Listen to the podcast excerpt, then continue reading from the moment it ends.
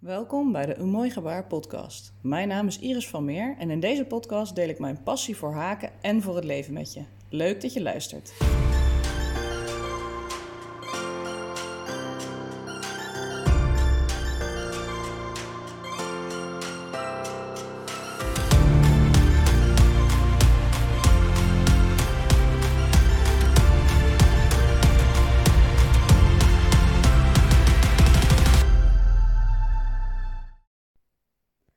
Welkom bij de zesde aflevering van de Een Mooi Gebaar podcast. Leuk dat je weer luistert.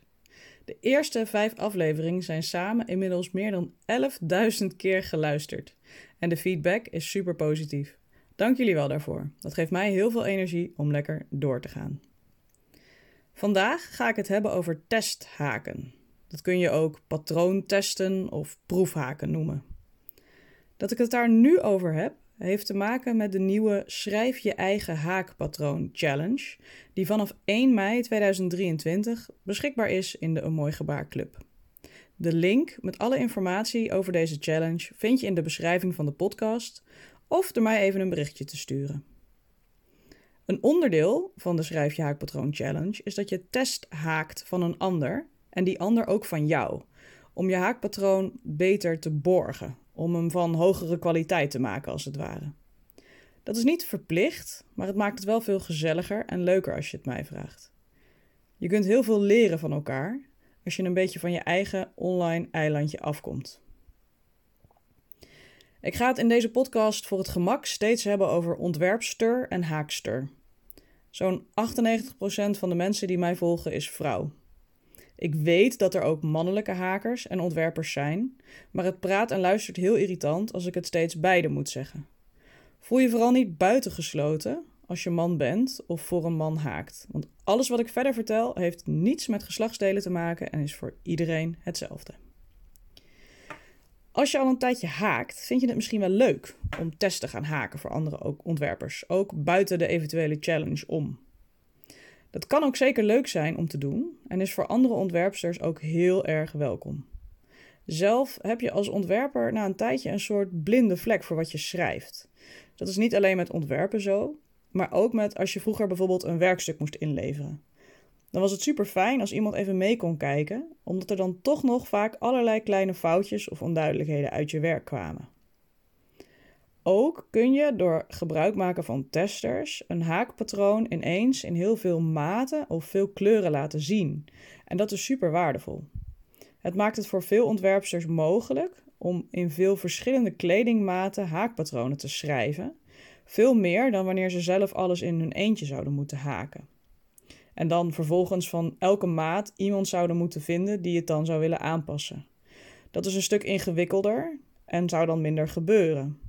Dus het is een stuk inclusiever eigenlijk als er testhakers zijn, zeker bij kleding, omdat je daarmee ervoor kunt zorgen dat er veel verschillende maten van één kledingstuk beschikbaar zijn. Maar hoe testhaak je nu eigenlijk goed? Hoe zorg je dat die ontwerpster er ook echt wat aan heeft?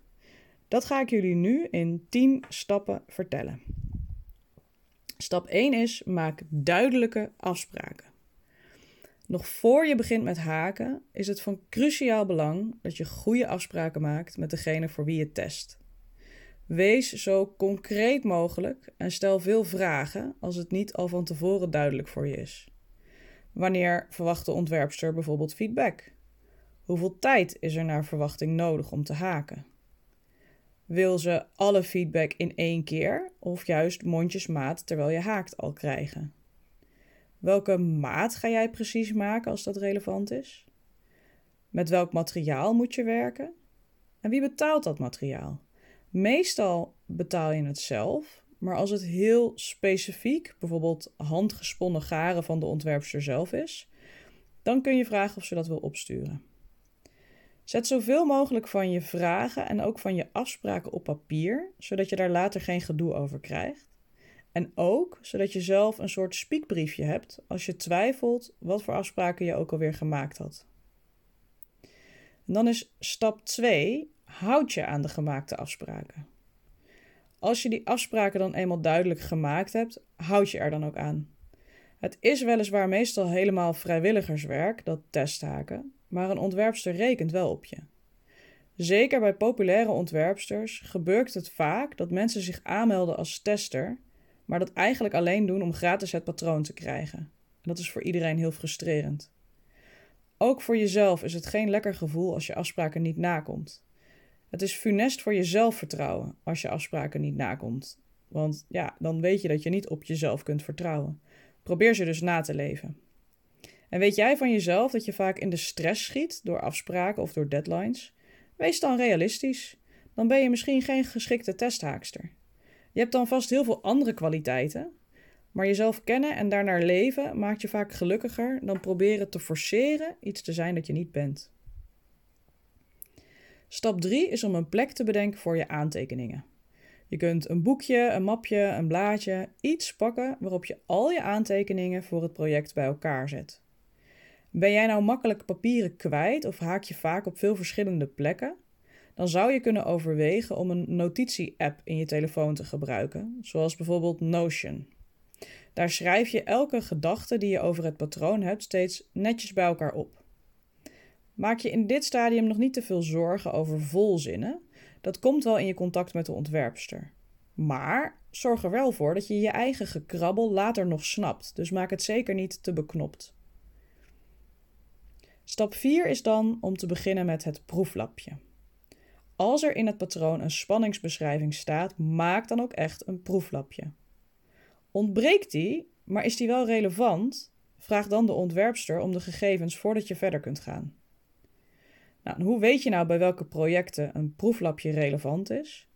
Dat is in ieder geval bij kleding en bij accessoires die moeten passen, zoals mutsen. Ik vind het persoonlijk ook relevant bij dekens. Mensen kiezen namelijk een bepaalde maat deken met een bepaald doel vaak. Bijvoorbeeld een eenpersoonsdeken voor de logeerkamer of een lekkere grote bankdeken om met z'n drieën onder te passen. Heel vervelend als de maat dan helemaal niet lijkt te kloppen. Daarnaast is een proeflapje ook belangrijk voor de hoeveelheid materiaal. Als jij een hele andere spanning hebt dan de ontwerpster, kom je ook niet uit met het materiaal. En dat is vaak wel een van de dingen die een ontwerpster graag wil weten van testhakers of ze uitkomen met het voorgeschreven hoeveelheid materiaal.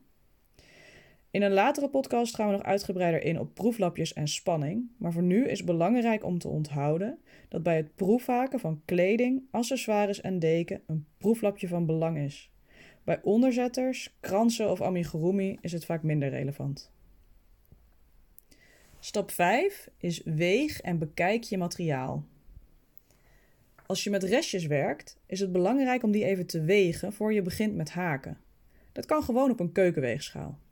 Zo kun je doorgeven of de hoeveelheden die aangegeven staan in het haakpatroon ook kloppen. Bij amigurumi staat vaak geen hoeveelheid aangegeven, terwijl mensen dat wel fijn vinden.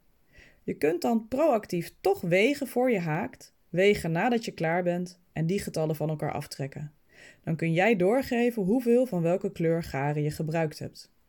Geef dan ook altijd aan wat voor garen je gebruikt hebt. Want 50 gram van een super bulky garen is veel minder meter dan 50 gram van een super fine garen. Heb je het aanbevolen garen nou niet in huis? Bedenk dan goed of je wel kunt testhaken. Een amigurumi van acryl kan er heel gek uitzien, ook al is er niets mis met het patroon. En een mandala met pluisgaren ziet er ook minder gaaf en stevig en sterk en strak uit, zelfs als het patroon perfect klopt. Dus hou daar rekening mee. Stap 6 is dan begin met haken. Nou, dat is natuurlijk het leukere stuk, haken wat er staat. Schrijf op wat er goed gaat en tel elke toer je steken. Misschien is dit voor ervaren haaksters ook wel het lastigste stuk. Haken wat er staat en niet wat je denkt dat er staat. Is het volledig wat er staat? Staat er bijvoorbeeld alleen maar meerdere in derde steek? Dan is het niet volledig. Dan weet je bijvoorbeeld niet of je de toer met een halve vaste moet sluiten en ontbreekt ook het stekenaantal aan het einde van de toer. Geef duidelijk aan als je iets onduidelijk vindt wat het dan wel moet zijn volgens jou. Schrijf dus niet in je aantekeningen op toer 2 klopt niet of toer 3 is onvolledig. Dan moet de ontwerpster namelijk alsnog zelf alles uitzoeken en daar zit juist vaak die blinde vlek. Niet dat de ontwerpster te lui is om er naar te kijken, Maar als ze de beschrijving zelf wel volledig vond, dan weet ze niet wat ze moet toevoegen.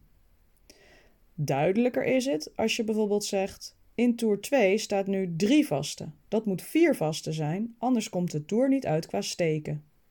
Of in toer 3 mist informatie over hoe je de toer moet sluiten. En ook staat er geen stekenaantal. Ik telde 16 steken in deze toer. Daarmee help je de ontwerpster het meest. Het is ook voor jezelf fijner. Want als je een patroon testhaakt met bijvoorbeeld 58 toeren en je schrijft alleen op toer 2 klopt niet, dan kun je dat niet meer duidelijk toelichten als je je aantekeningen inlevert en de ontwerpster vervolgens om opheldering vraagt. Stap 7 is optioneel. Zet af en toe een kookwekker of een pieper op je telefoon. Door af en toe een kookwekker te zetten, herinner je jezelf eraan dat je aan het testhaken bent en niet gewoon aan het haken. Dan weet je weer dat je goed moet tellen aan het eind van elke toer, dat je moet doen wat er staat en niet wat je denkt dat er staat, en dat je moet opschrijven als er iets niet klopt, in plaats van het gewoon even zelf op te lossen. Het kan ook zijn dat je de tijd bij wil houden om door te kunnen geven hoe lang het project voor jou geduurd heeft, of om voor jezelf een inschatting te kunnen maken hoeveel tijd je nodig hebt om het project nog af te maken. Het is wat minder vrijblijvend immers, dat teststaken, omdat je afspraken hebt gemaakt. Stap 8 is tellen, tellen, tellen. Ik noem het nogmaals omdat het belangrijk is. Blijf je steken tellen. Je wilt zeker weten dat je hetzelfde maakt als wat de ontwerpster bedoeld heeft. En daar is tellen cruciaal voor. Blijf ook bij herhalingen scherp. Klopt het echt wat er staat? Is het begin van een herhaling duidelijk, maar ook het einde? Klopt het dat de tour ook echt eindigt met een herhaling? Of moeten er dan bijvoorbeeld nog een paar steken achteraan komen? Dat zijn belangrijke dingen om op te letten. Staat er nou geen stekenaantal per tour? Geef dan jouw getelde stekenaantallen door. Ook dan kan de ontwerpster weer beter begrijpen wat je gedaan hebt en waar het eventueel is misgegaan als er foutjes in zaten. Stap 9 geldt eigenlijk voor het hele proces en voor alles wat er in het leven is, denk ik. Dat is heb geduld. Want bij ontwerpen en in zekere zin ook bij testen hoort soms uithalen en wachten. Wees ook geduldig in je contact met de ontwerpster. Je bent soms één van de vele testers en de meeste hakensters hebben helaas ook nog een gewone baan nodig naast hun ontwerperswerk. Wees daar respectvol over. Dat maakt de kans op een fijne samenwerking groter. Ook hierover kun je trouwens afspraken maken. Wanneer is de ontwerpster bijvoorbeeld het beste bereikbaar en op welke manier? Is e-mail fijn of app of juist telefonisch? En als face-to-face mogelijk is, dan is dat natuurlijk een hele gezellige en ook een hele directe manier van samenwerken. Dus kijk daar bij je afspraken ook naar of dat misschien een mogelijkheid is. En dan zijn we bij stap 10 aangekomen, die erg belangrijk is: de afronding. Als je klaar bent en alles is gelukt, dan verzamel je al je notities en verwerk je ze. Het is aan te raden om vriendelijk opbouwende kritiek te geven. Begin bijvoorbeeld met wat je goed vond aan het patroon of dat je het leuk vond om te testen. Probeer overzichtelijk te schrijven en verlaag je alsjeblieft niet tot algemene statements als er klopte niets van. Want dat is onaardig en bovendien vaak ook niet waar. Vraag bevestiging van de ontwerpster of je alles hebt gedaan wat overeen was gekomen en verwijs daarbij eventueel nog terug naar de afspraken zoals ze helemaal aan het begin gemaakt waren. Vaak wordt het heel erg gewaardeerd als je een foto of meerdere foto's deelt van hoe het geworden is. Bonuspunten krijg je als de ontwerpster deze foto's ook mag delen bij het patroon. Mensen vallen namelijk echt op de foto's en vinden het heel leuk om bijvoorbeeld een trui niet alleen in het geel bij XL-maat te zien, maar ook in het groen bij een XS-maat en alles wat daartussen zit. Voor een ontwerpster is dat onbegonnen werk om heel veel voorbeelden te maken. En jij kunt als testhaker daar echt een positief steentje aan bijdragen door, de mooie foto's te maken van hetgene wat jij gemaakt hebt. Ik hoop dat je iets hebt gehad aan deze 10 tips voor het testhaken. Ik ben ook benieuwd. Heb jij wel eens iets getesthaakt? Zou je dat willen doen? Stuur me dan gerust een e-mailtje naar irisapenstaartje Dat is irisapenstaartje voor meer informatie of als je iets anders kwijt wil naar aanleiding van deze of een van de andere podcasts. Voor nu bedankt voor het luisteren en ik hoor, zie merk jullie graag weer bij de volgende podcast terug.